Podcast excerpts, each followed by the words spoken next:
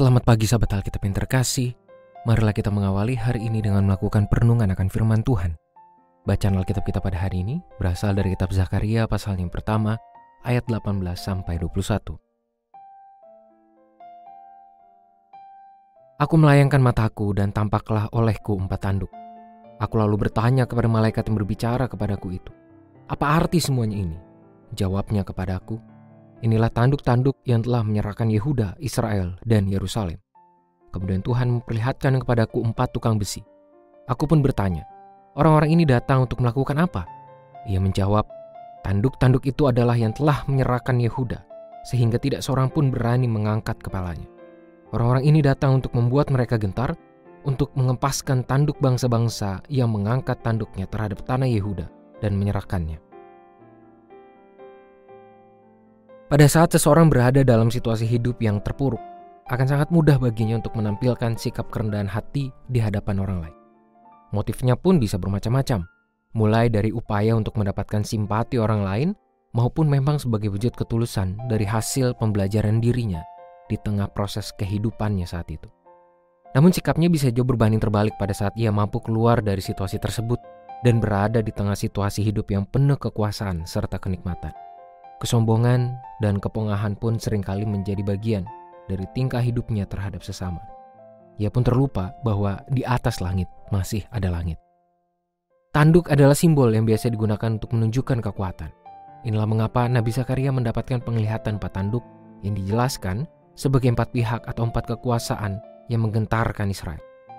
Kegentaran itu pun mewujud dalam masa pembuangan bangsa Israel Kekuatan keempat kekuasaan itu telah menyerahkan umat Tuhan ke berbagai tempat keluar dari tanah perjanjian. Meski demikian, kekuatan keempat kekuasaan itu tidaklah bersifat mutlak. Keempat tanduk itu memang menyimbolkan kekuatan empat kekuasaan yang menundukkan Israel. Namun bagaimanapun tanduk juga selalu ada pada kepala hewan. Dengan kata lain, keempat kekuasaan itu pun memiliki batasan kekuatan, selayaknya hewan yang juga memiliki potensi untuk merasakan ketakutan. Ketakutan itulah yang mereka alami ketika muncul empat tukang besi yang merupakan simbol dari empat kekuasaan lain yang akan menundukkan keempat tanduk tersebut. Semuanya adalah bagian dari cara Tuhan untuk mendidik dan menyelamatkan umatnya. Sahabat Alkitab, pesan nubuatan Zakaria ini pada satu sisi telah menghadirkan kita sebuah nilai pemulihan dan pembelaan dari Tuhan bagi setiap umatnya yang sedang bergumul berjuang dalam hidupnya menghadapi tekanan begitu berat.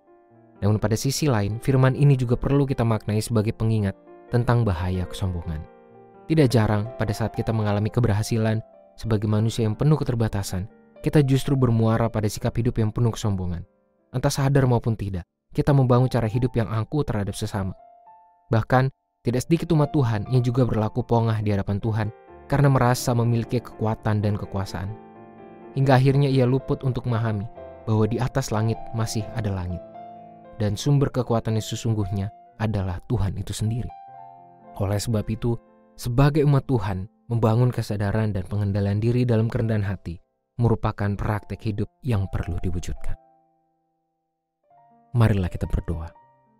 Tuhan didiklah kami sebagai umatmu, sebagai manusia yang terus bertumbuh, berkembang, berproses di dalam berkat dan penyertaan Tuhan, dan selalu memiliki kerendahan hati agar kami tidak berlaku sombong, agar kami tidak berlaku pongah, entah di hadapan sesama, apalagi di hadapan Tuhan. Tolong kami Tuhan untuk selalu mengingat bahwa segala kekuatan itu hanya berada dan berasal daripadamu. Hanya dalam nama Tuhan kami Yesus Kristus kami berdoa dan menyerahkan kehidupan kami. Amin.